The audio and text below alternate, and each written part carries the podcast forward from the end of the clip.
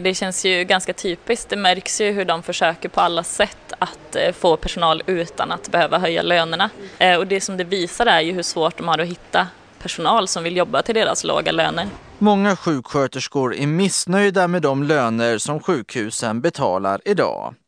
De som studerar till sjuksköterskor har krävt att alla som börjar arbeta som sköterskor ska få minst 24 000 kronor i månaden.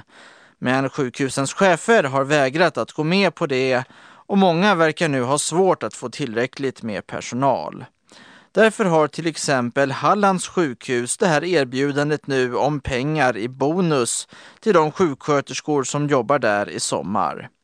Men Camilla Gunnarsson tycker att sjuksköterskor ska vägra att ta erbjudandet. Jag tycker att vi ska trycka på och ställa sjukhusen inför en situation av kaos i sommar där de kommer att tvingas att höja ingångslönerna i slutändan. Också en annan Camilla, Camilla Henningsson från sjuksköterskornas fackförbund, tycker att den tillfälliga bonusen är dålig. Jag skulle vilja se den studenten som nu är färdig, ta det här sommarjobbet och vilja stanna kvar när lönen faktiskt blir en helt annan i verkligheten.